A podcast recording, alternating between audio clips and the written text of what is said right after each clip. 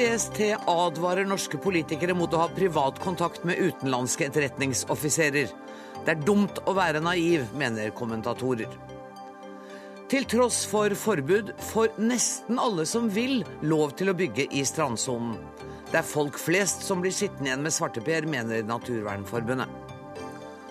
Sykehjemspasienter gjenopplives og får intensivbehandling, og dødsprosessen blir unødig lang, hevder overlege. Er vi redde for å dø en naturlig død, spør vi.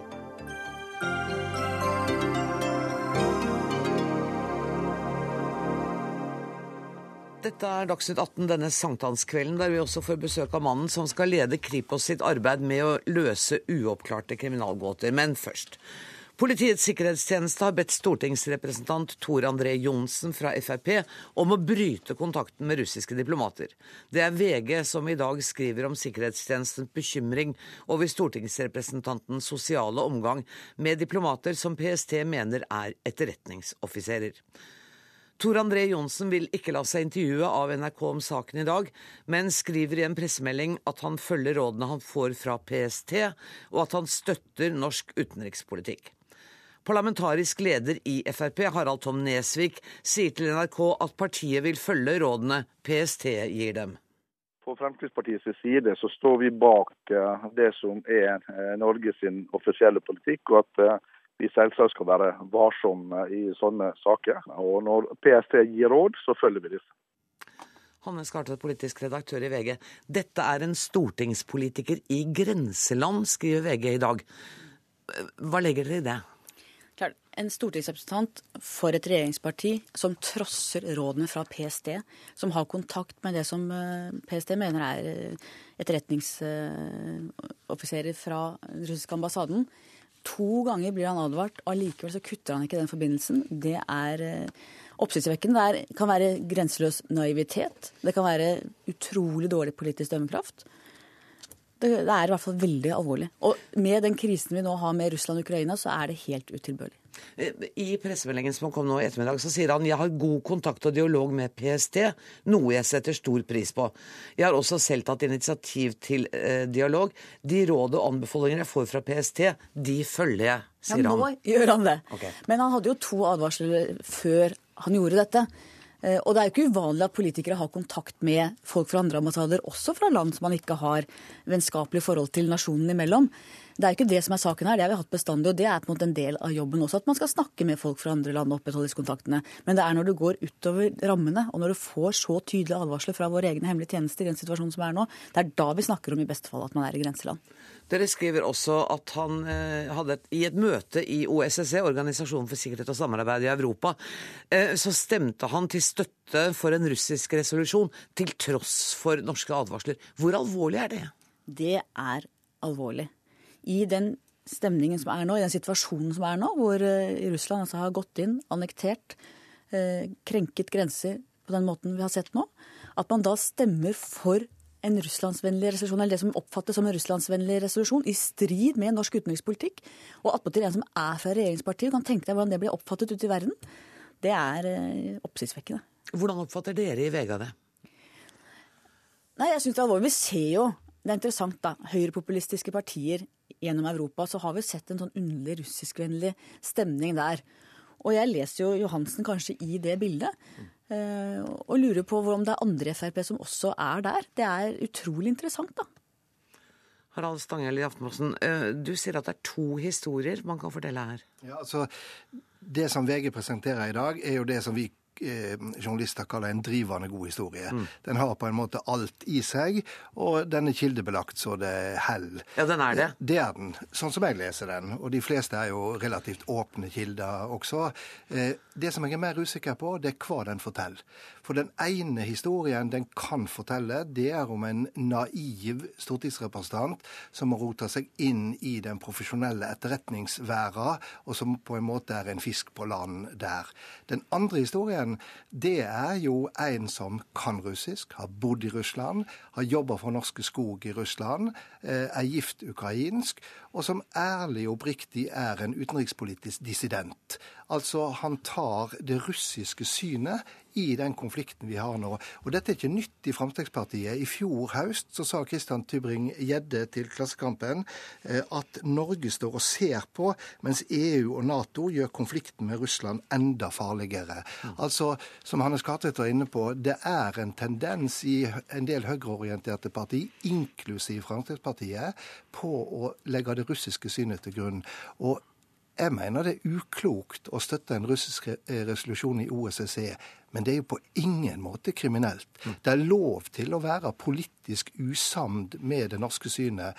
Og dette gjorde Johnsen i full åpenhet. Han argumenterte for at det var riktig. Det er for meg politikk. Og så kan det være uklokt, men det er ikke kriminelt. Han skriver også i pressemeldingen at jeg støtter selvfølgelig norsk utenrikspolitikk, også i forhold til konflikten i Øst-Ukraina. Men selv i disse vanskelige tider hvor forholdet til Russland er preget av konflikten, er det viktig å opprettholde dialog på et lavere politisk nivå. Og det er altså det han gjør, eh, Skartvedt. Ja, og Stanger har rett. Han har ikke gjort noe kriminelt. Vi vet ikke om det er intensjonene intensjoner bak, og vi vet ikke om han har på en måte opptrådt i, i strid med, eh, med, våre interesser. Men det han, har, eh, det han har gjort, er at vi ser en splitt i Frp. I tidligere tider så var det jo på venstre, så da splitten under den kalde krigen. Tvers gjennom Arbeiderpartiet, ikke sant? Hvordan skulle man forholde seg til Sovjetunionen og ikke Sovjetunionen? Og nå ser vi på et vis spiren til en tilsvarende konflikt i, i Frp. Eh, og Tybring-Gjedde og disse er jo da, som Stanghelle påpeker, også litt på den samme, samme linja. Hvor grunn, stor grunn har PST til å være bekymret over denne type sosial virksomhet med det vi antar er eh, russiske etterretningsfolk? Altså Stort sett har de vel ikke grunn til å være bekymra. Stort sett er norske politikere, norske eh, forskere, til og med norske journalister, ryddige folk som veit hvor grensene går. Ja, Men er det alltid så lett å vite? Ja, det er relativt lett å vite hva du kan gi av opplysninger, hva du snakker om. Og så er det én ting som for meg er en lakmustest, og det er at slike samtaler foregår i full åpenhet. Mm. Og med full åpenhet mener jeg at hvis du møtes på et kontor, hvis du setter deg ned på Grand Café midt på Karl Johan i Oslo, så er det for meg ikke et konspirativt møte. Hvis du eh, aksepterer helt private invitasjoner eh, med diplomater du ikke har noe personlig med å gjøre, hvis du aksepterer å gå på steder der du nødig vil møte kjente, ja, da er det en del terskler i dette spillet som gjør at du plutselig oppdager at du kanskje har vært litt større nyttig idiot enn du hadde tenkt å være. Skarda, tror dere at eh, han er den eneste? Han har jo vært inne til en bekymringssamtale med PST, bl.a. Vet dere om flere? De sier at det har vært flere tidligere, men hvem og hva, det, det vet vi jo ikke. Eh, det å ha samtaler er jo ikke feil, som Harald sier, også i åpenhet.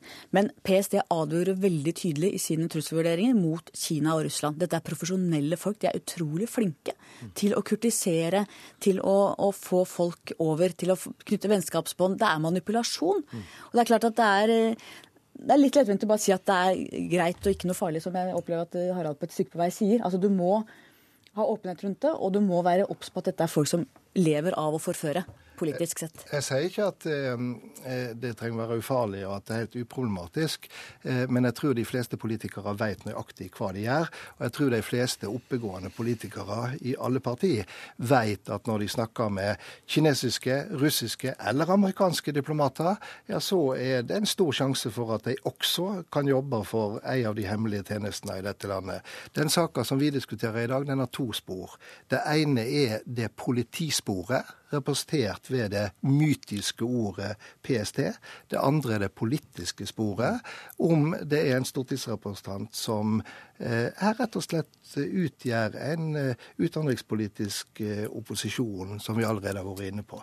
Det er to ting vi vet her som er sikkert, og det er ikke sikkert det er Eh, at man skal trekke noen veldig konklusjoner av det, men vi vet at eh, Johnsen her har blitt kurtisert og hatt tette bånd til det som PST mener er etterretningsfolk fra den russiske ambassaden.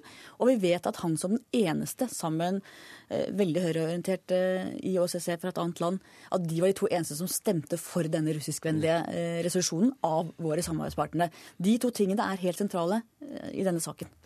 Jeg må si takk til dere. Før det går skal jeg bare nevne at vi selvfølgelig også har invitert PST til å komme i studio, men de hadde ikke anledning til å delta i dag. Tusen takk, Harald Stanghelle og Hanne Skartveit.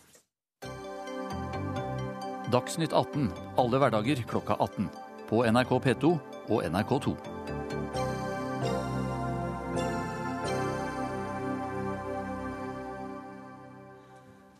Her i landet er det forbudt å bygge 100 meter fra strandlinjen. Men likevel har 10 920 mennesker fått lov til å gjøre nettopp det de siste tre årene.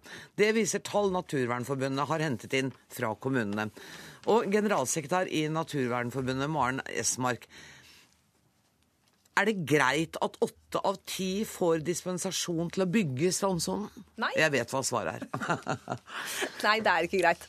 Det er jo en grunn til at vi har et lovverk som sier at strandsonen skal beskyttes. Men gjør det noe? Ja, det er klart det gjør noe. Eh, grunnen til at vi skal prøve å bevare strandsonen, det er jo det er flere årsaker. Det ene er jo at folk bruker den. At folk har en rett til å kunne bruke sjøen, være i nærheten av sjøen. Det er godt for helsa, det er godt for friluftslivet. Og det andre er jo at det er jo her fugl og fisk bor. Eh, alt som er av fisk. De har gjerne gyteområdene sine, yngleområdene sine langs eh, strandsonen. Og det er her sjøfuglen spiser. Men er det allemannsretten som ligger fremst hos dere når dere tenker at strandsonen skal være fri? Nei, dette handler om begge deler. Det handler om at eh, naturen her er viktig, og det handler om at folk skal ha tilgang på strandsonen. Um, men allemannsretten er, gjelder jo ikke For om huset nå ligger drøyt 100 meter fra, og det er, så slår man seg jo ikke ned på den stranda. Ikke sant? Hvis du går på tur. Du gjør jo bare ikke det. Sånn at allemannsretten har jo allerede begrensninger. Og Det er et kjempeproblem. For det første de lovlige eh, bygningene, som gjøres nå fordi dispensasjonene Man får dispensasjon nesten uansett hva man søker om, men også er det en del ulovlige ting. Så vi skulle ønske at eh, kommunene var mye mer restriktive til å gi dispensasjoner, eh, og at det ble rett og slett færre utbygginger i strandsonen. Henriette Fluer Vikre, du er varaordfører i Kragerø for Fremskrittspartiet. Og dere har også gitt 87% av søkerne er lov til å bygge i strandsonen. Hvorfor gjør dere det? Først må man se hva den dispensasjonen faktisk er. Og Det er jo sånn at det er ikke bygd noen nye bygg i strandsonen i Kragerø. Eh, det er sånn at eh, Kragerø kommune vi har en veldig stor skjærgård med spredt eh, hyttebebyggelse, som vises da i kommuneplanen vår som LNF-område. Fram til 2009 hadde Kragerø kommune bestemmelser som sa at eksisterende hytter kan bygges på inntil maksimum 100 kvadratmeter. Og da ved forrige kommuneplanrevisjon hadde Fylkesmannen innsigelse på en videreføring av disse bestemmelsene. og Derfor har det utløst at det blir dispensasjonshytter. Og Da er det vesentlig det vi sier ja til. Det er allerede eksisterende hytter, boliger, eh, eksisterende brygger, eh, andre tiltak så vi er allerede både fortetning og vi er allerede er som det er privatisert fra før av. Vi tar ikke i bruk noe jomfruelig land. Nei, men en hytteeier hos dere har altså skutt ut et underjordisk hus på nesten 1000 kvadratmeter med eget svømmebasseng inne i Svaberget. Du har karakterisert det som et ydmykt prosjekt. Hva legger du i det? Eh, det jeg sier i det er at Når man ser totaliteten i dette prosjektet, her, så er det sånn at i lovverket i kommuneplanen vår så sies det ingenting om det er lov til å sprenge ut under i bakken.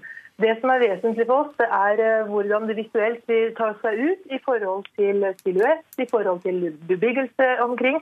Og Når man ser det spesielle som du tenker på her, sånn, så er det et fantastisk flott bygg som ligger veldig godt uh, tilpassa i terrenget.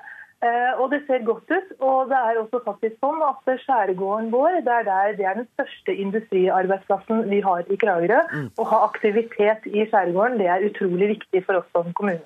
Maren Esmark, hva er det dere i Naturvernforbundet bråker om da? Det er altså ikke bygd nye hytter, og den svære som er bygd, den er bygd inne i fjellet, som denne loven ikke omhandler, og den syns nesten ikke. Det stemmer jo ikke. Arealet blir jo nedbygd selv om det er en eh, eksisterende som, hytte som bygges ut med en større hytte i stedet. Og hvis du oppgraderer og utvider brygga di, så er det jo en nedbygging. Og det er jo det gjennomgangen viser, at antallet dispensasjoner og antallet areal, altså mengden areal som bygges ned, er stor. Og så viser jo også Riksrevisjonens gjennomgang fra noen år tilbake at vi har hatt politiske føringer i veldig mange år om at vi skal ivareta strandsonen samtidig som vi ser at antallet kvadratmeter tilgjengelig for fellesskapet går nedover og nedover. Men dette er også den inntekten Kragerø kommune har. Så det er viktig for Kragerø kommune? Ja, jeg vil nok hevde at dette er kortsiktige inntekter. Eh, for her handler det om å ivareta Kragerø kommune for fremtidens generasjoner. Og det er ikke sikkert at det å nedbygge strandsonen er noe lurt. Per-Willy Amundsen, statssekretær i Kommunal- og moderniseringsdepartementet. Er dere i det hele tatt bekymret over disse tallene? La meg si det sånn at eh, fra regjeringas side så har vi vært veldig tydelige på at eh, det er der man sitter nærest beslutningen, at man har det beste beslutningsgrunnlaget. Vi eh, tar lokalpolitikerne på alvor. Vi har eh, tillit og tro på at lokalpolitikerne faktisk er i stand til å finne den rette balansen mellom ulike hensyn, ulike interesser, på de fleste områdene som, som, man må gjøre i arealpolitikken. Ja, det var 17. mai-talen. Er du bekymra for dette? Altså, det høres ut her som om dette er noe, noe, noe, ekstremt som har skjedd. Eh, men hvis vi går inn i tallene og ser, og det bør vi gjerne gjøre, så er jo dette nye KOSTRA-tallene, eh, tallene fra kommunene som eh, kommer nå, som viser det at ja, det har vært en økning fra 2013 i dispensasjonssaker. Fra 2013 til 2014, men går du tilbake og ser, så er vi omtrent på samme nivå som var på i 2012. Og Det er nettopp fordi at jeg tror at kommunene gjør disse avveiningene. Kommunene er i stor grad altså De ønsker å ta vare på sitt eget lokalmiljø. Du får det til å høres litt ut som at kommunene her eh, har en interesse av å ødelegge for seg sjøl, og det tror jeg med respekt å melde at vi eh, ikke skal legge til grunn. Jeg tror kommunene ønsker å utvikle sine lokalmiljø Eh, på en god måte eh, ivareta og balansere interessene de er satt til å balansere som planmyndighet i Norge. Og da må vi også legge til rette for at eh, lokaldemokratiet kan håndtere disse sakene på en god måte. Tror du kommunene er interessert i å ødelegge for seg sjøl? Vi har et lovverk som sier at det er ikke lov å bygge strandsonen. Eh, vi har føringer fra Stortinget om at strandsonen skal bevares. Og ja, jeg vet at det er vanskelig for mange kommuner å stå imot utbyggingsinteresser og kortsiktige inntekter. Og Det er også grunnen til at vi har et lovverk som skal ivareta fellesskapets interesser, også på lang sikt. Men hvis 85% av de som søker om å utbygge, eller gjerne vil bygge strandsonen, får ja, trenger vi da denne loven? Altså, loven har jo åpninger, eh, både når man planmessig bygger ut. og Det er for så vidt også noe som den statistikken her viser som jeg synes er veldig bra. Nemlig det at større andel av den utbygginga som skjer i strandsona, er i henhold til eh, planen. Eh, og Det er bedre, fordi da har man også eh, ivaretatt de konfliktene som må håndteres i en planprosess. Dispensasjon skal på en måte være unntaket, men av og til så er det også nødvendig å bruke i lokaldemokratiets interesse. Henriette Fluer Vikre, hvor, hvor vanskelig er, dere, er det for dere å si ja til disse utbyggingene? Selvfølgelig så er det nøye gjennomtenkt det vi gir dispensasjonen for. Men det var litt sånn som jeg sa innledningsvis, at man må gå ned og se hva er det dispensasjonen blir gitt til. Mm. For det er faktisk sånn at det tar isen en brygge i Kraugerskjærgården på vinteren, og du søker om å sette opp en erstatning, så er det en dispensasjon. Det er, eh, Hva er dispensasjoner? Og da har ikke antall nye enheter ikke, har ikke økt i Kragerø. Men ja, antall dispensasjoner har økt, fordi at tidligere så hadde vi ikke den bestemmelsen i arealplanen og kommuneplanen vår. Og enheten er blitt litt større, ikke sant? Enheten har blitt større, men det er arealet som allerede er privatisert, eller at man ønsker fortetning, det er vi positive til. Mm. Og så er det sånn at det er Dispensasjon det er enkeltvedtak, det er ikke store reguleringsplaner. Og Man må også tenke over det at i Kragerø så har vi over 7000 dekar med friområde som okay. vi er klare til å ta imot feriefolk. Og vi har 63 ulike steder som er tilrettelagt for publikum. Det er store arealer igjen i skjærgården vår som er tilrettelagt for at alle skal kunne komme og kose seg, oppholde seg og nyte Kragerø det, på det, det er betryggende. Jeg har tenkt å gi siste ordet til Per-Willy Amundsen her. Han skal sikkert si det samme som deg. Nei, altså, jeg, jeg, jeg synes, eh, For det første, jeg kan ikke konkret kommentere denne saken. for Nei, det kan i prinsippet komme til endelig avgjørelse i departementet. Men eh, jeg oppfatter at alle lokalpolitikere er ønsker å legge til rette for en god utvikling av sine lokalsamfunn. Og vi må jo ta lokaldemokratiet på alvor. Ja, ja, vi skal ha et valg til, uh, i september. Ja. Og de politikerne man velger inn i kommunestyrer rundt forbi, det er altså de som, uh, som, er ansvaret for å utøve den planmyndigheten som kommunene er satt til. Og det handler om å ta lokaldemokratiet på alvor. Da er det sånn at da får ikke bestandig Naturvernforbundet sånn som man ønsker, eller andre interessenter, men altså det er det lokalpolitiske avgjørelsene som skal gjøres. Og det skal skje i et kommunestyre. Og valgkampen er i gang. Esmark, dere har ikke tenkt å gi opp denne kampen? Nei, slett ikke. Nei. Tusen takk for at dere kom, Maren Esmark, Henriette Fluervikre og Per-Willy Amundsen.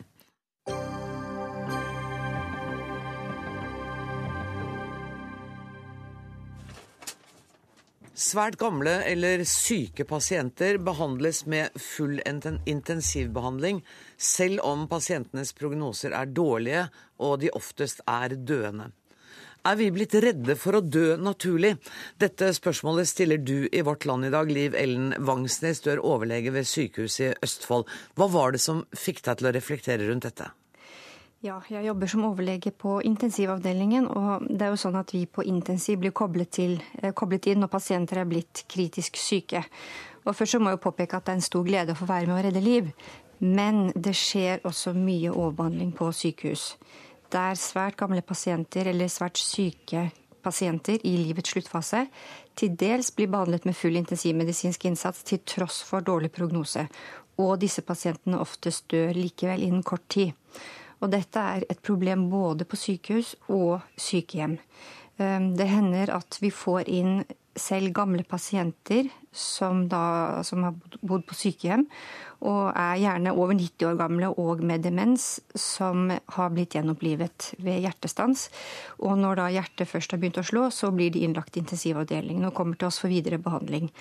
Og likeledes er det sånn på sengepostene på sykehus at det ligger svært mange, mange svært syke pasienter som nærmer seg livets slutt. Og eh, likevel, selv om de er i denne sluttfasen av livet, blir de til dels tilkoblet mekanisk pustestøtte og lignende behandling for å forlenge livet litt til. Men eh, egentlig er det bare å forlenge dødsprosessen. Og slik behandling er forbundet med mye ubehag. Og jeg tenker at hos disse pasientene ville rent lindrende tiltak være bedre. Lindrende tiltak som kan gjøre de siste dagene av livet verdt å leve. For min, mitt intuitive spørsmål er hvorfor gjør man dette med døende og gjerne meget gamle pasienter? Hvorfor driver man med disse gjenopplivende tiltakene? Det har jeg tenkt mye på selv, og det fins vel ikke noe sikkert svar på det. Men mye ligger nok i at det ute i allmennheten er økte forventninger til hva eh, ja, legevitenskapen kan bidra med. Og som Reidar Pedersen sa til Vårt Land i dag, eh, at medisinsk kan vi stadig gjøre mer. Og tilbud skaper økt bruk og overforbruk. Mm. Men det er viktig å huske på at også moderne medisin har sine begrensninger. Og en annen viktig faktor tror jeg er at det er mulig at vi som leger overbehandler fordi vi er redde for kritikk fra kolleger og pårørende hvis vi velger å ikke behandle. Det er lettere å behandle enn å la være. Uh, Reidar Pedersen, dytte mikrofonen litt til deg. Hele greia. Sånn, ja. Um, det er pussig at hun nevnte deg, siden du er i studio. Du er forsker ved Senter for medisinsk etikk ved Universitetet i uh, Oslo. Jeg må stille deg det samme spørsmålet. Hvorfor driver man med dette? Og rett og slett, man plager jo i noen tilfeller disse døende pasientene med denne behandlingen. Ja, Det er et godt spørsmål. Uh, men jeg tror, tror det er vanskelig å svare kort. Men jeg tror Vangsnes er inne på noen viktige ting. og Det går på det med muligheter og forventninger. Eh, og også noen ganger press fra f.eks. pårørende. Eh, det er f.eks. slik at eh, hvis vi spør leger, så sier de at de sjelden får klager fordi de gjør for mye. Men de får klager hvis noen mener de gjør for lite. Men kan jeg bryte deg litt der? For jeg har lest deler av denne veilederen som gjelder dette. Og der står det jo at man skal, passe, man skal samtale med pasienten. Pasienten skal være informert og gi samtykke. Jeg forstår at det ikke alltid eh, er lett med en dement pasient, men kunne ikke den samtalen da gjøres på forhånd, f.eks. For med pårørende? Absolutt, og den kunne gjøres tidligere med pasienten. Eh, det vi ser i dag, er vel at rutinene for dette, og kompetansen til å gjøre det, er, er ikke god nok. Og hvem skal gjøre det? Skal det gjøres av hjemmetjenesten? Skal det gjøres av fastlegene? Hvilken rolle skal sykehusene ha? Og mange av pasientene som er på sykehjem i dag, de er såpass dårlige allerede når de kommer inn, at allerede der er det for sent. Og hvis man skal gjøre det der, så får i hvert fall pårørende en veldig sentral rolle. Mangsnes, når du kommer i en situasjon um, hvor du blir bedt om å bidra til gjenopplevning av en pasient som du ser er døende, har du noen mulighet for å protestere da? Altså, Når eh, jeg og mitt team kommer eh, løpende, for det er det som skjer, det er en alarm som går, og så kommer vi løpende da for å starte gjenoppliving, da er det en veldig kaotisk situasjon, og du, vi kjenner ikke pasientene på sengepostene. Så i utgangspunktet, hvis vi ikke vet annet, så starter vi gjenoppliving. og så går det an å trekke seg tilbake igjen seinere. Men ting hadde vært så mye lettere hvis disse forhåndssamtalene hadde vært gjort på forhånd. At leger hadde vært flinkere til å gjøre disse samtalene, slik at man på forhånd visste om en pasient skal gjenopplives eller ikke. Eh, noen er jo flinke til å gjøre det, men jeg syns fortsatt at det mangler mye her, både på sykehjem og sykehus. Og det er interessant, for kanskje vi alle burde tenke litt igjennom den dagen, eh, hva vi skal si den dagen vi kommer dit. Mm. Ja, jeg tror det. Og jeg tror kanskje at eh, noe av grunnen til at dette er så vanskelig å snakke om, det er at veldig få av oss har et forhold til døden. Mm. Veldig mye død i dag skjer i institusjon, mer enn noen gang. Eh, og eh, jeg tror at vi kanskje ikke er så flinke til å snakke om dette i familiene. Eh, f.eks. Og jeg tror noe av disse samtalene også må tas der utenfor helsetjenesten.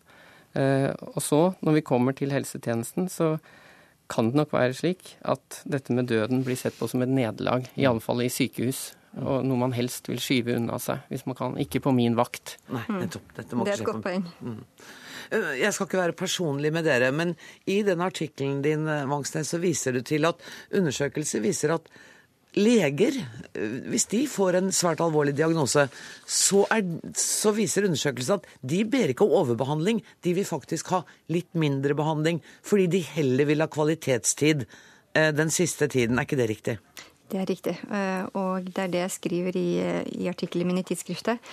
At det er gjort en god del studier på det, særlig fra USA. Eh, hvor det viser seg da at leger er svært tilbakeholdne med med å få med å, livsforlengende behandling, da, mm. hvis de er i, i, en situasjon der det synes nyttesløst. Men det skal jo et visst mot til å være den pasienten som sier at da velger jeg å avslutte det livet på en naturlig måte. Ja, eh, det, du kan si det sånn. Det, på mange måter er det mer behagelig å dø med lindrende tiltak mm. enn med intensivbehandling. For intensivbehandling innebærer jo Eh, mye ubehag og slanger både her og der, og man er tilkoblet en pustemaskin. Så det er mye man kan gjøre for lindrende behandling, og dø skal vi jo alle uansett. Jeg tror nok, som Reidar Pedersen sier, at det hadde vært fornuftig å få et mer naturlig forhold til å snakke om døden også innen familien. Ja, jeg har bare lyst til å legge til, eh, når vi nærmer oss slutten sikkert, det, det er at det er noen veldig vanskelige vurderinger her som, vi, som, som jeg tror gjør det enda ja. vanskeligere. Og det, det, ene er dette her, eh, hvordan en skal vurdere livskvalitet. Mm. Og hvilken rolle skal høy alder spille? Ja. Eh, når er noe nytteløst? Når er noen døende? Og dette er spørsmål som legen må ta stilling til. Og jeg tror dette her Altså, vi er ikke godt nok trent til å forholde oss til usikkerhet og kommunisere det til kollegaer og til pasienter og til pårørende. Men jeg tror noe av nøkkelen ligger der, og det gjelder ikke bare denne type situasjoner, men kanskje i helsetjenesten generelt. Og da har Vangsnes i dag bidratt til en større åpenhet og en oppfordring til å snakke om det. Tusen takk for at dere var med i Dagsnytt 18, Liv Ellen Vangsnes og Reidar Pedersen.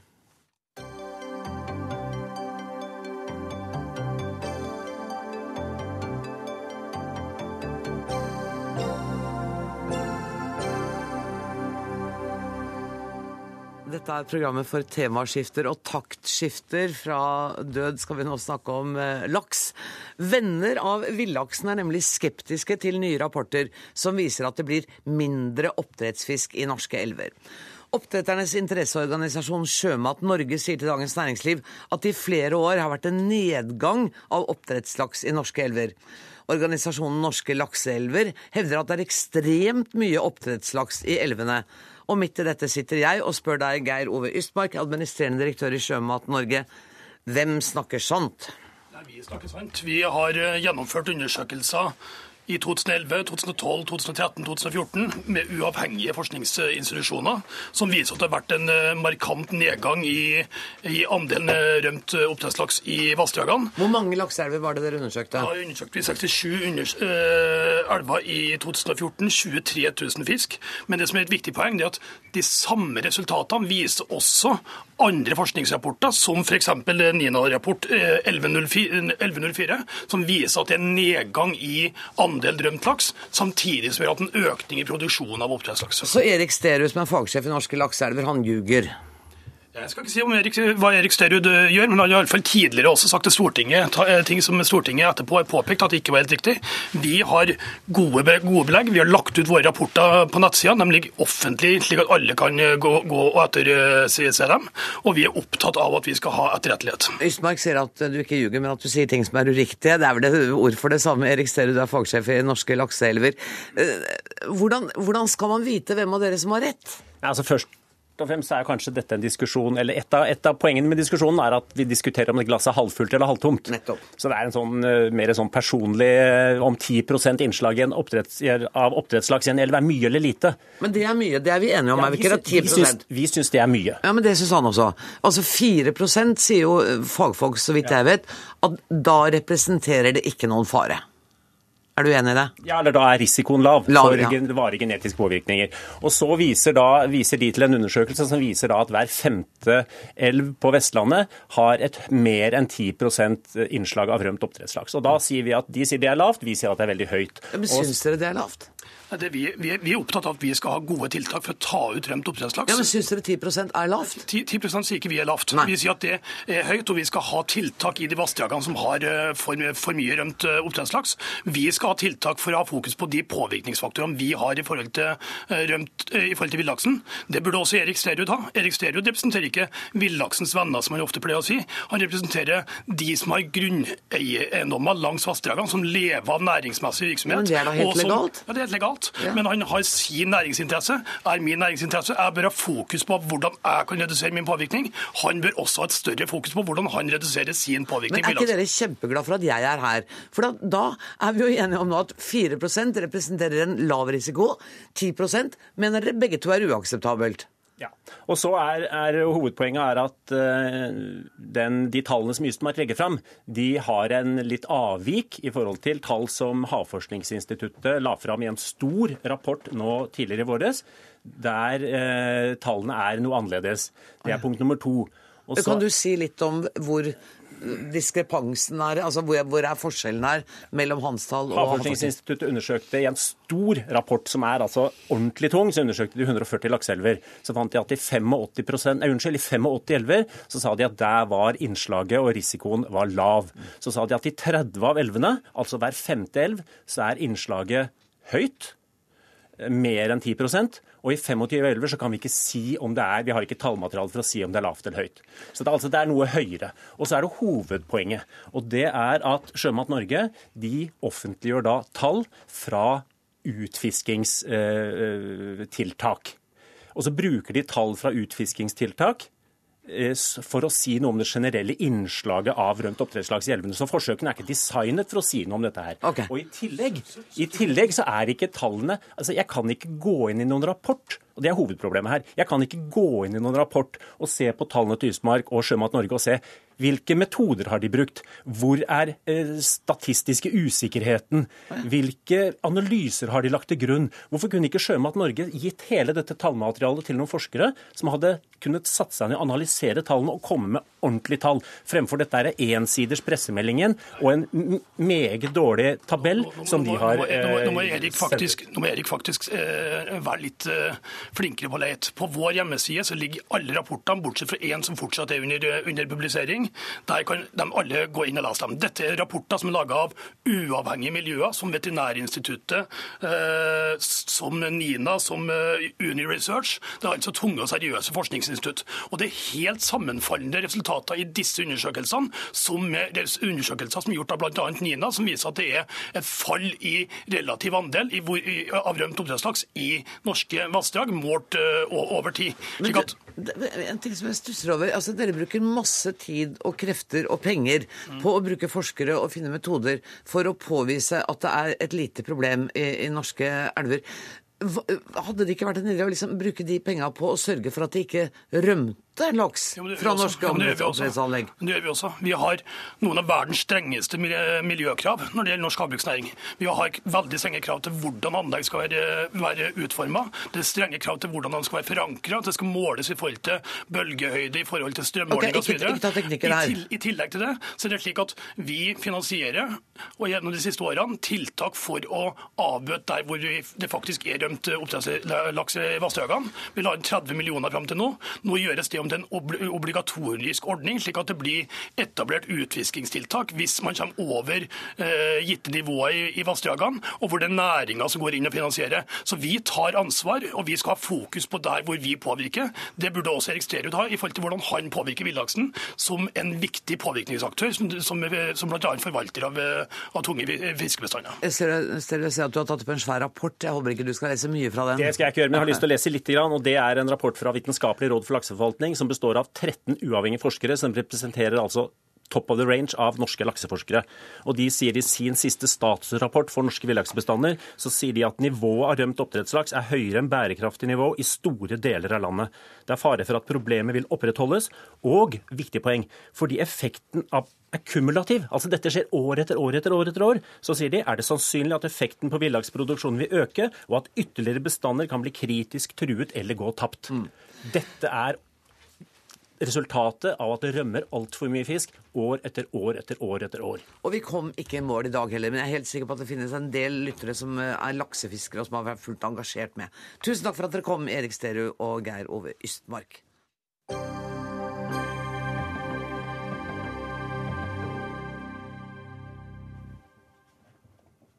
Nå som Stortinget har bestemt at vi skal ta imot 8000 syriske flyktninger, nå kommer også debatten om hvem som bør få komme. Av de om lag 11 millionene syrerne som er på flukt, regner FNs høykommissær for flyktninger at 380 000 er ekstra sårbare. Norge har valgt å la FN stå for utvelgelsen av hvem som skal få komme hit. Men det bør vi ikke gjøre. Vi bør prioritere homofile, lesbiske, bifile og transpersoner, mener du, Vegard Røseth Tåkheim fra nettverket Åpen Høyre. Hvorfor skulle vi ta imot spesielt homofile flyktninger? Det har med menneskerettigheter å gjøre. Og når det kommer til menneskerettigheter, så er det viktig at vi tenker på det faktum at de er universelle. De gjelder alle, uavhengig av kjønn, av etnisitet, eh, av tro, livssyn, eh, politisk retning og eh, hva gjelder dette legning. De menneskerettighetsovergrepene som foregår i Syria, har vi sett litt av i nyhetene. Vi har sett folk som blir kastet ut fra syvende etasje. Vi har sett grusomme historier, bl.a. på Pride House, hvor debatter har vist mennesker som ikke kan tørre å stå frem med sine ekte navn, og eh, med sine historier eh, uten at de har en enorm frykt. Det bør norske myndigheter se nærmere på. Vi prioriterer, og det er prinsipielt vanskelig å prioritere én utsatt gruppe. Vi prioriterer den gruppen som handler om utsatte kvinner. Det finnes andre grupper vi kunne prioritert også. Vi kunne prioritert funksjonshemmede, eldre utsatte. Vi kunne også valgt, å valgt å prioritere LHBTI-personer. Ja. LHBTI, det er altså lesbiske, homofile, bifile og transpersoner. Hele alfabetet. Nettopp. Det er bare sånn at folk er med oss. Susanne Demu Øvergård, du er generalsekretær i Skeiv Verden, som faktisk er den nasjonale organisasjonen for lesbiske og homofile med minoritetsbakgrunn. Men du er ikke enig i dette forslaget? Nei, sånn som det er blitt fremmet, og i hvert fall som det kom fram i Hegnar, så er vi ikke enig i det. Jeg mener eh, han bommer litt, eh, og at det er feil av oss å skulle sette minoritetsgrupper opp, mot hverandre. Og med den argumentasjonen om at eh, vi da utelukker familiegjenforening, og at de har høyere utdanning, at de er lettere å integrere, så mener jeg at det er ganske farlig at vi skal begynne å si det. Det stemmer ikke med den kontakten vi har med de som kommer nettopp fra f.eks. Syria. De har familie, de har et ønske om at familien deres også skal gjenforenes gjenforenes og komme til Norge. Jeg tror det er viktig at vi snakker til de to partiene som står utenfor i uh, avtalen i denne perioden. Sett deg litt eh, rett foran mikrofonen. Så det, ja. det kan du ta og gjøre. Tusen takk.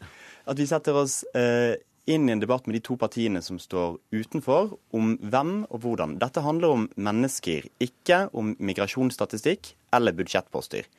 Det eh, handler alltid om mennesker når flyktninger ja. kommer til Norge. Og det handler om menneskeverdet. Vi, vi skal ta så mange vi kan. og ved å ta så mange vi kan, så vil vi også få tak i flere LHBT-personer.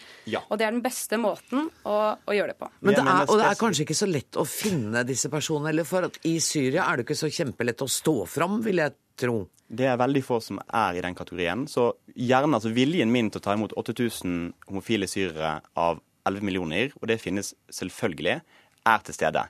Eh, det finnes ikke så mange. Så praktisk sett så har kvoten, som er det forslaget som vi lanserte, Kaja Marie Aasland og jeg, i VG, det handler uh, om å ta og si at vi ser akkurat dem.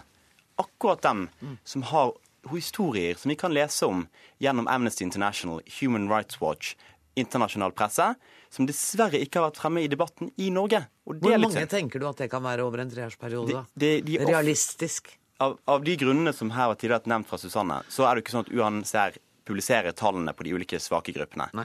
Men eh, antagelig så kan man gjennom Proud Lebanon si at det kanskje eksisterer en 300 personer som overlever i dag der nede ved beskyttelsessex. Det betyr altså menn og kvinner som har sex, får husvær og mat.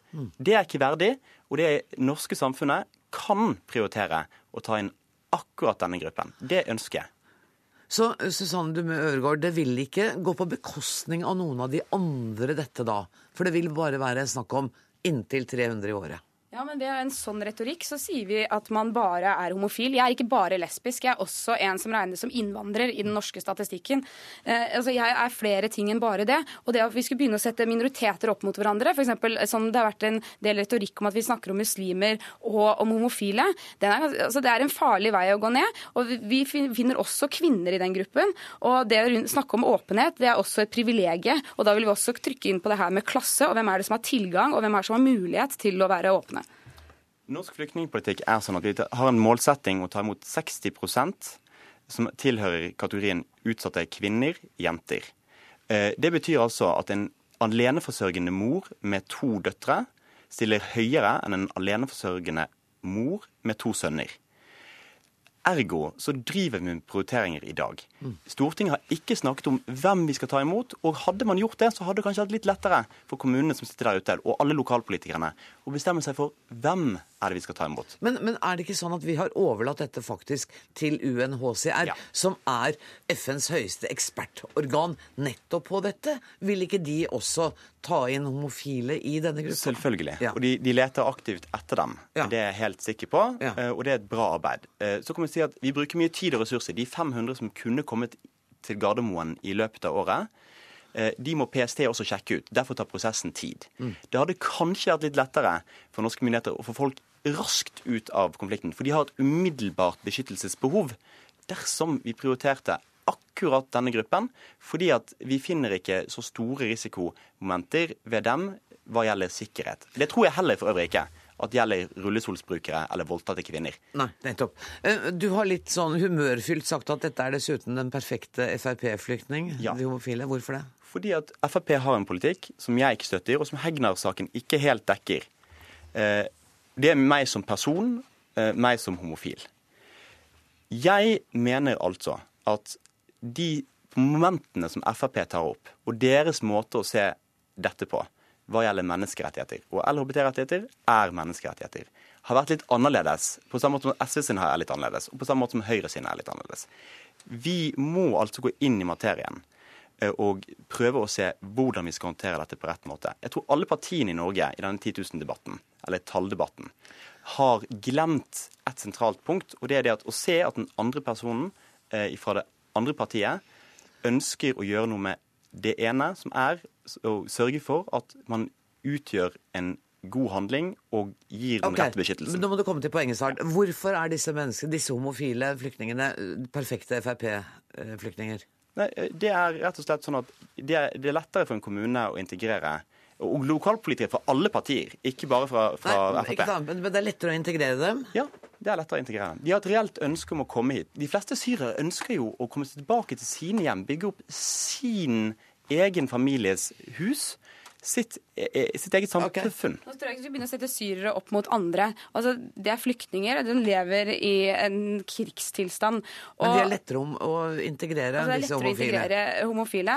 Eh, Jeg inviterer deg til å komme og treffe oss og vårt nettverk og de som er eh, nettopp i den prosessen om at de skal integreres. For at det er ingen som flagger opp der at de er homofile eller eh, lesbiske, bifile eller transpersoner. De blir diskriminert systematisk i Norge fordi at de har en annen hudfarge, fordi at de ikke får tilgang på arbeidsmarkedet, og fordi at de ikke får tilgang til husrom uten å oppleve diskriminering. Og det er uavhengig av hvorvidt de annonserer at de er LHBT-personer eller ikke. Så vi har en Og jeg er sikker på problem. at eh, Vegard Røseth Håkheim sier tusen takk for den innbydelsen. Jeg sier i hvert fall tusen takk for at dere kom, både til deg og til Susanne Demu Øvergård.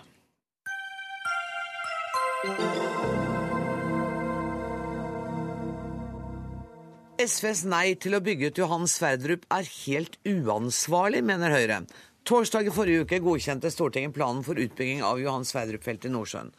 Johan Sverdrup-feltet er det største oljefeltet som er funnet på norsk sokkel på tiår, og inntektene fra feltet er beregnet til 1350 milliarder kroner. Um, Nikolai Astrup, du er stortingsrepresentant for Høyre. Hvorfor er det uansvarlig å si nei til å investere i olje i den klimasituasjonen vi nå er? La meg først si at Dette er jo et av de største industriprosjektene i Norge i moderne tid. Vi snakker om investeringer på 100-120 milliarder kroner bare i fase 1. Vi snakker om 51 000 årsverk. Vi snakker om at bare e, den ene kontrakten som blir gitt til Kværner Stord, eh, vil gi jobb til 6000 mennesker. Så dette er utrolig viktig for norsk økonomi i den eh, tiden, særlig i den tiden vi er inne i nå, hvor det jo er en aktivitetsnedgang i petroleumssektoren som rammer ikke minst Vestlandet veldig, veldig hardt for tiden. Og det er akkurat uh, spørsmålet om behov for arbeidskraft som har vakt en del debatt. Uh, du sa 51 000 årsverk. Uh, noen tror at det er årsstillinger, altså heltidsjobber. Forklar oss bare forskjellen. Nei, Det har jo ikke jeg sagt, Nei. så jeg sa årsverk. Ja, og dette handler jo om også å bevare jobbene til de som jobber i leverandørindustrien, som jobber i oljeselskapene, som nå kanskje ellers ville vært sagt opp, men som får muligheten til å, eh, til å stå i jobben sin. Det er utrolig viktig for svært mange mennesker eh, som ellers ville vært i risikosonen. At vi har fått dette prosjektet på plass, og at norske verft nå, enten det er Aibel i Haugesund eller Kværne på Stord eller Aker i Verdal, nå har fått store kontrakter knyttet til denne utbyggingen. Så dette er helt avgjørende eh, for store deler av Vestlandet i den situasjonen vi står i nå. Hadde ikke dette kommet, hadde SV fått gjennomslag, hadde det blitt nei til utbygging av Johan Sverdrup, så hadde det vært eh, vil jeg si, et stort tilbakeslag for næringen og fått store konsekvenser også for norsk eh, økonomi. Er SV rett og slett litt uansvarlige i dette spørsmålet? Vel, jeg kjenner ikke noe parti som er så glad i å bruke oljeinntekter som det SV er. Eh, og de må altså skapes, disse inntektene. De kan ikke bare brukes. Så, så ja, jeg vil si det. At det å si nei til dette prosjektet, som jo er så bra på så mange andre måter også, også i et klimaperspektiv. Fordi det, Hvis ikke Johan Sverdrup-feltet kan utvinnes i et klimaperspektiv, så er det omtrent ikke noe oljefelt i verden offshore som kan utvinnes i et klimaperspektiv. Og Det tror jeg selv ikke SV mener, selv om de jo er på vei den veien i petroleumspolitikken. De har gjort en 180 graders sving siden de satt i regjering, eh, så det er den veien det går. Men jeg trodde ikke de var helt der ennå. Kari Elisabeth Kaski, partisekretær i eh, SV. Litt uansvarlig svarte han ja på at dere er. Ja, jeg syns det er uansvarlig å eh, sitte og synes det er uproblematisk at det største industriprosjektet i moderne tid i Norge skal være investeringer i fossil energi for de neste 70 årene fram i tid, samtidig som resten av verden jobber iherdig for å gjøre seg uavhengig av nettopp fossil energi. Dette, denne investeringa vil låse fast både ressurser i form av penger og arbeidsplasser og folk i en næring som vi rett og slett skal gjøre oss uavhengig avhengig av. Og den vil bremse opp, for ikke si være en stor bremsekloss for den omstillinga som norsk økonomi er helt avhengig av å gjøre. Hvorfor vil det det? Altså, dere ser elegant bort fra at allerede nå så har vi mista 22 000 arbeidsplasser. Da snakker jeg ikke om årsverk, men om arbeidsplasser i oljeindustrien. Og de skal erstattes. Dette er jo et bra måte å gjøre det på. Ja, Det er en måte å eh, bare egentlig helle bensin på bålet på. Eh, vi er inne i en situasjon nå hvor vi ser at eh, lavere oljepris og lavere tempo i oljebransjen gjør at folk mister jobben, og det er kjempealvorlig. Og Det er en situasjon som SV har advart mot i mange år, når SV har jobba for et lavere investeringstempo på norsk sokkel. Og hvis, hadde, eh, og hvis Norge hadde lytta til, til SV sin politikk tidligere, så ville vi ikke vært i den situasjonen som vi er i dag. Men det er derfor vi også går imot den store investeringa Johan Sverdrup er. fordi han vil binde fast ressursene i en næring som, som er en solnedgangsnæring. Jeg skal gi ordet til, jeg hadde tenkt å spørre om noe, jeg skal gi ordet til deg, Astrup. Takk skal du ha. Nei, nå er jo ikke økonomisk politikk en paradegren for, for, SV, og det har det heller aldri vært. Og det er klart, Hadde vi lyttet til SV for alle de, da de startet å si nei til norske oljeutbygginger, så hadde Norge vært i en helt annen situasjon enn det vi er i i dag. For det er helt åpenbart at det er klart Vi kan erstatte arbeidsplassene i oljen på sikt eh, og med omstilling av det norske samfunnet, og det kommer vi også til å gjøre. Men vi kommer aldri til å klare å erstatte inntektene som vi har hatt fra oljesektoren. Eh, vi må venne oss til et helt annet inntektsnivå i fremtiden enn det vi har i dag. Og La meg minne også Kaski fra SV om at oljeproduksjonen er halvert siden 2002. Det Sverdrup gjør, er å bremse et fall som vi vet uansett kommer. Vi ser også at gassproduksjonen faller i årene som kommer. Eh, så vi er nødt til å gjøre noe for å demme opp for dette fallet, hvis ikke vi skal ha krasjlanding i norsk økonomi. For det er viktig at vi får til en omstilling i norsk økonomi til grønne arbeidsplasser. Men oljenæringen kommer fortsatt til å være viktig i noen tiår til så kommer oljenæringen til å være veldig viktig. Eh, og så skal vi ha en ansvarlig og fornuftig omstilling til å bygge opp flere sterkere ben å stå på. Ikke på bekostning av, men i tillegg til eh, en petroleumsnæring som har masse kompetanse å tilføre, også andre næringer. Det er ikke en ansvarlig omstilling å si ja til, som du sa sjøl, vår tids eh, største industriprosjekt innenfor dette. Det er et enormt prosjekt. En ansvarlig omstilling vil være nettopp å gi de folkene som mister jobben i dag, arbeidsplasser innenfor andre sektorer, og, bruke nettopp de frigjorte ressursene til å bygge opp andre næringer som vi skal leve av i fremtida. Jeg må også minne eh, Nikolai Astrup på at SV har ikke stemt mot alle oljeutbygginger på norsk sokkel, men vi har tatt til orde for et lavere investeringstempo. Eh, og nettopp eh, holdt på å si, ville at Norge ikke skal venne seg til det investeringstempoet som vi har i dag, og som, som er altfor høyt. Og vi orker ikke å gå helt også, tilbake i historien. Og vi var også det partiet som, det eneste partiet som i alternativt statsbudsjett i, i høst reduserte reduserte oljepengebruken. Og vi får det til å gå opp fordi vi også ikke går inn for de høye skattelettene som denne regjeringa går inn for. Men jeg må bare minne om at dere også er et av landets minste partier. Ja, ja og vi ser jo at uh, innenfor akkurat dette spørsmålet så har vi folket med oss. Altså, det er et ønske i befolkninga om at vi får til den grønne omstillinga. Og det trenger vi også at ansvarlige politikere er med å, å, å jobbe for. Vi er nødt til å avrunde snart, men jeg må bare spørre deg.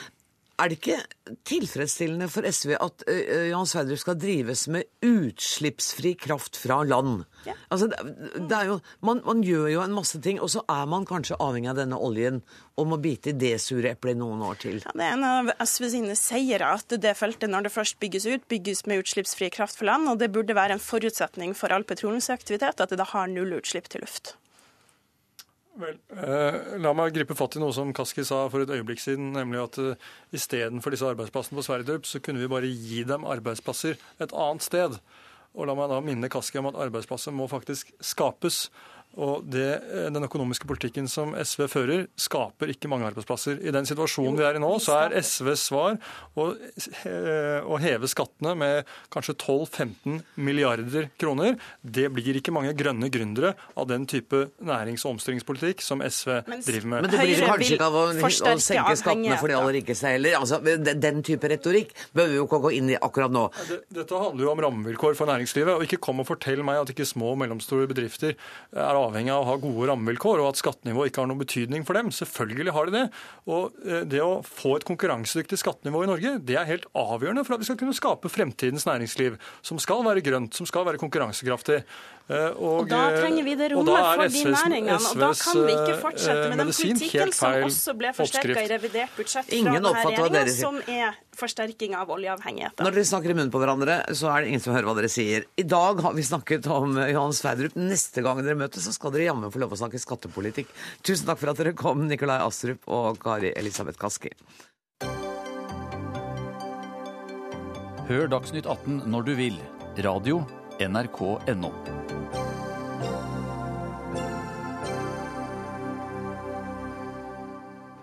Han heter Espen Erdal, og du har kanskje aldri hørt om ham eller sett ham før. Han blir sjef for politiets nye Cold Case-gruppe. Det er meg som kaller det det, skal ikke hete det. Og denne gruppen er altså opprettet delvis i kjølvannet av gjenopptakelsen av den såkalte Monica-saken i Bergen. Gruppen skal få ansvaret for å etterforske uoppklarte draps- og forsvinningssaker. Mellom 1991 og 2013 ble det i Norge begått 32 drap, som fremdeles er uoppklarte. Espen Erdal, ny sjef for eh, Kripos sin enhet, velkommen til Dagsnytt 18. Tusen takk. Hva skal den hete, denne enheten din? Eh, det som er sagt, det er enhet, enhet for etterforskning av eh, eh særlig eh, alvorlige forbrytelser. Ja. Jeg, må, jeg, skjønner jeg må øve meg litt på det navnet før jeg begynner. Så. Ja, Det hadde, hadde, vært greiere hvis vi bare kunne kalt det cold case. Ja, og det er vel det som eh, det faller ned på at det vil bli hetende på, på folkemunne. Sånn at jeg var ikke helt ute å kjøre da jeg sa det. Du har arbeidet med drapssaker i mange år. Ja. Har du selv vært borti saker som dere ikke har klart å oppklare? Ja, det har jeg noen gang, og, og det er veldig tungt. Fordi at noen, noe av motivasjonen, eller den aller viktigste motivasjonen for å, å drive med dette arbeidet, det er nettopp den, det å jobbe for å kunne gi de nærmeste og, og samfunnet et svar på hva som har skjedd, og hvorfor det har skjedd. Så det er klart at når man da opplever at man ikke kommer i mål og ikke får gitt disse svarene, så er det tungt. Men hvor langt tilbake i tid skal dere gå? Nå, det, nå var det en, en, lovendring eh, for uh, knapt et år siden uh, som gjør at disse typer alvorlige forbrytelser de blir ikke lenger foreldet. Sånn at 25 år tilbake i tid er jo utgangspunktet, som du var inne på, fra juli 89 og frem til nå. eh, uoppklarte drapssaker primært. Eh, 32 vil... stykker i alt, eller rundt der? 32 er, er sagt, ja. Og jeg sitter og tenker at pårørende i disse sakene som hører på deg nå, de kan da få fornyet håp? Ja, de kan det til dels. Men eh, det er også noe av min bekymring at de får et, et nytt håp mm. gjennom etableringen av en sånn gruppe. Og så opplever de på nytt at de ikke får de svarene som de så veldig gjerne skulle ønske at de fikk. Jeg går ut fra at du også har et begrenset antall mennesker som skal arbeide med deg. Det er liksom ikke tusenvis.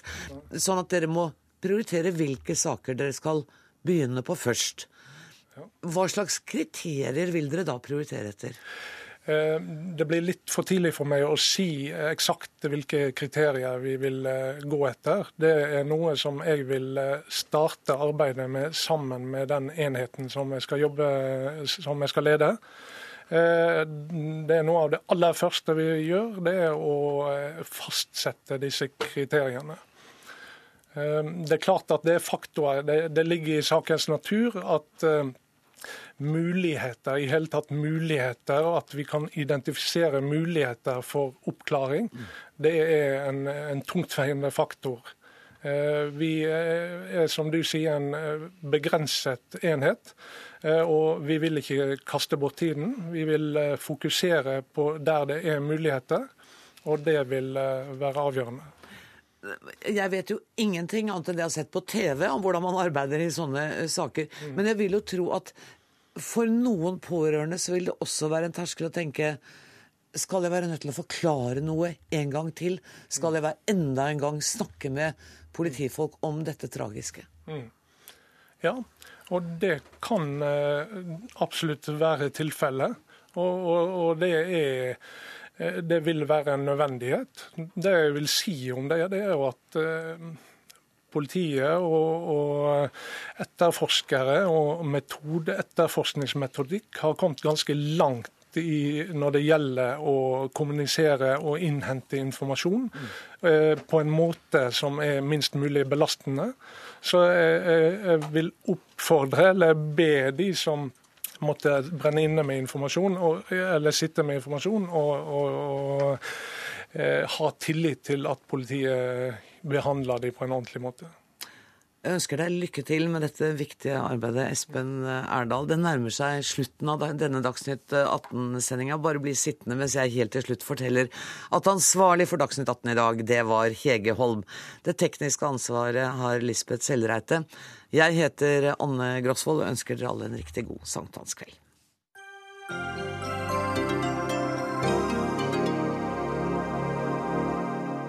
Hør flere podkaster på nrk.no podkast.